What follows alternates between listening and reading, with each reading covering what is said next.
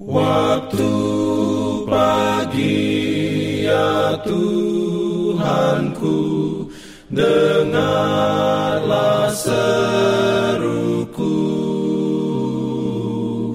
Melayang doa yang sungguh Memandang padamu Selamat pagi pendengar Radio Advent Suara Pengharapan.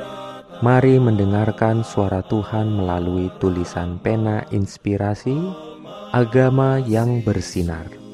Renungan harian 18 Januari Dengan judul Kasih tertinggi kepada Tuhan.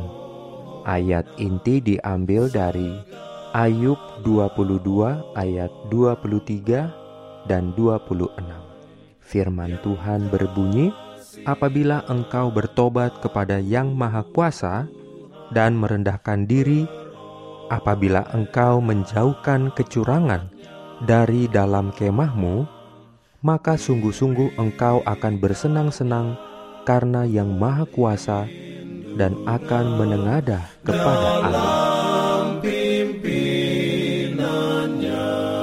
Urayanya sebagai berikut. Kasihilah Tuhan Allahmu dengan segenap hatimu dan dengan segenap jiwamu dan dengan segenap akal budimu. Itulah hukum yang terutama dan yang pertama. Empat hukum pertama tidak mengizinkan menjauhkan kasih sayang dari Tuhan. Juga tidak diizinkan untuk membagi atau berbagi kesenangan tertinggi kita di dalam Dia apa pun yang memisahkan kasih dan menghilangkan kasih tertinggi dari jiwa kepada Tuhan menjadi bentuk berhala. Hati duniawi kita akan melekat pada berhala-berhala kita dan berusaha untuk membawanya. Tetapi kita tidak dapat maju sampai kita menyingkirkannya, karena hal itu memisahkan kita dari Allah.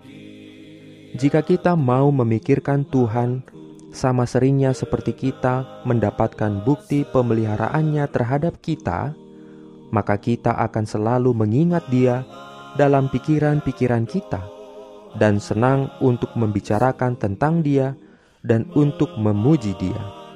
Kita berbicara tentang perkara-perkara yang sementara karena kita menaruh perhatian di dalam perkara-perkara itu kita berbicara tentang teman-teman kita karena kita mengasihi mereka. Sukacita dan duka cita kita terikat bersama mereka.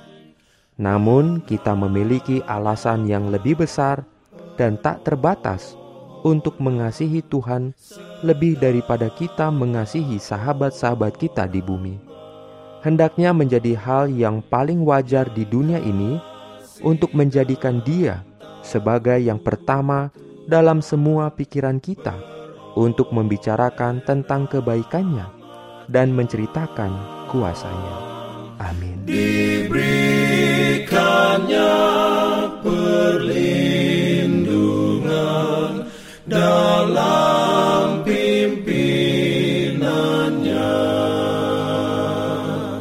Pimpin aku. Jangan lupa untuk melanjutkan bacaan Alkitab sedunia.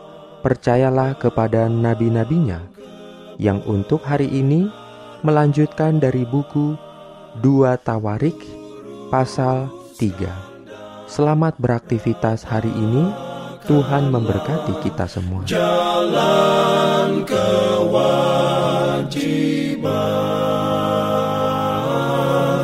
jalan keselamatan.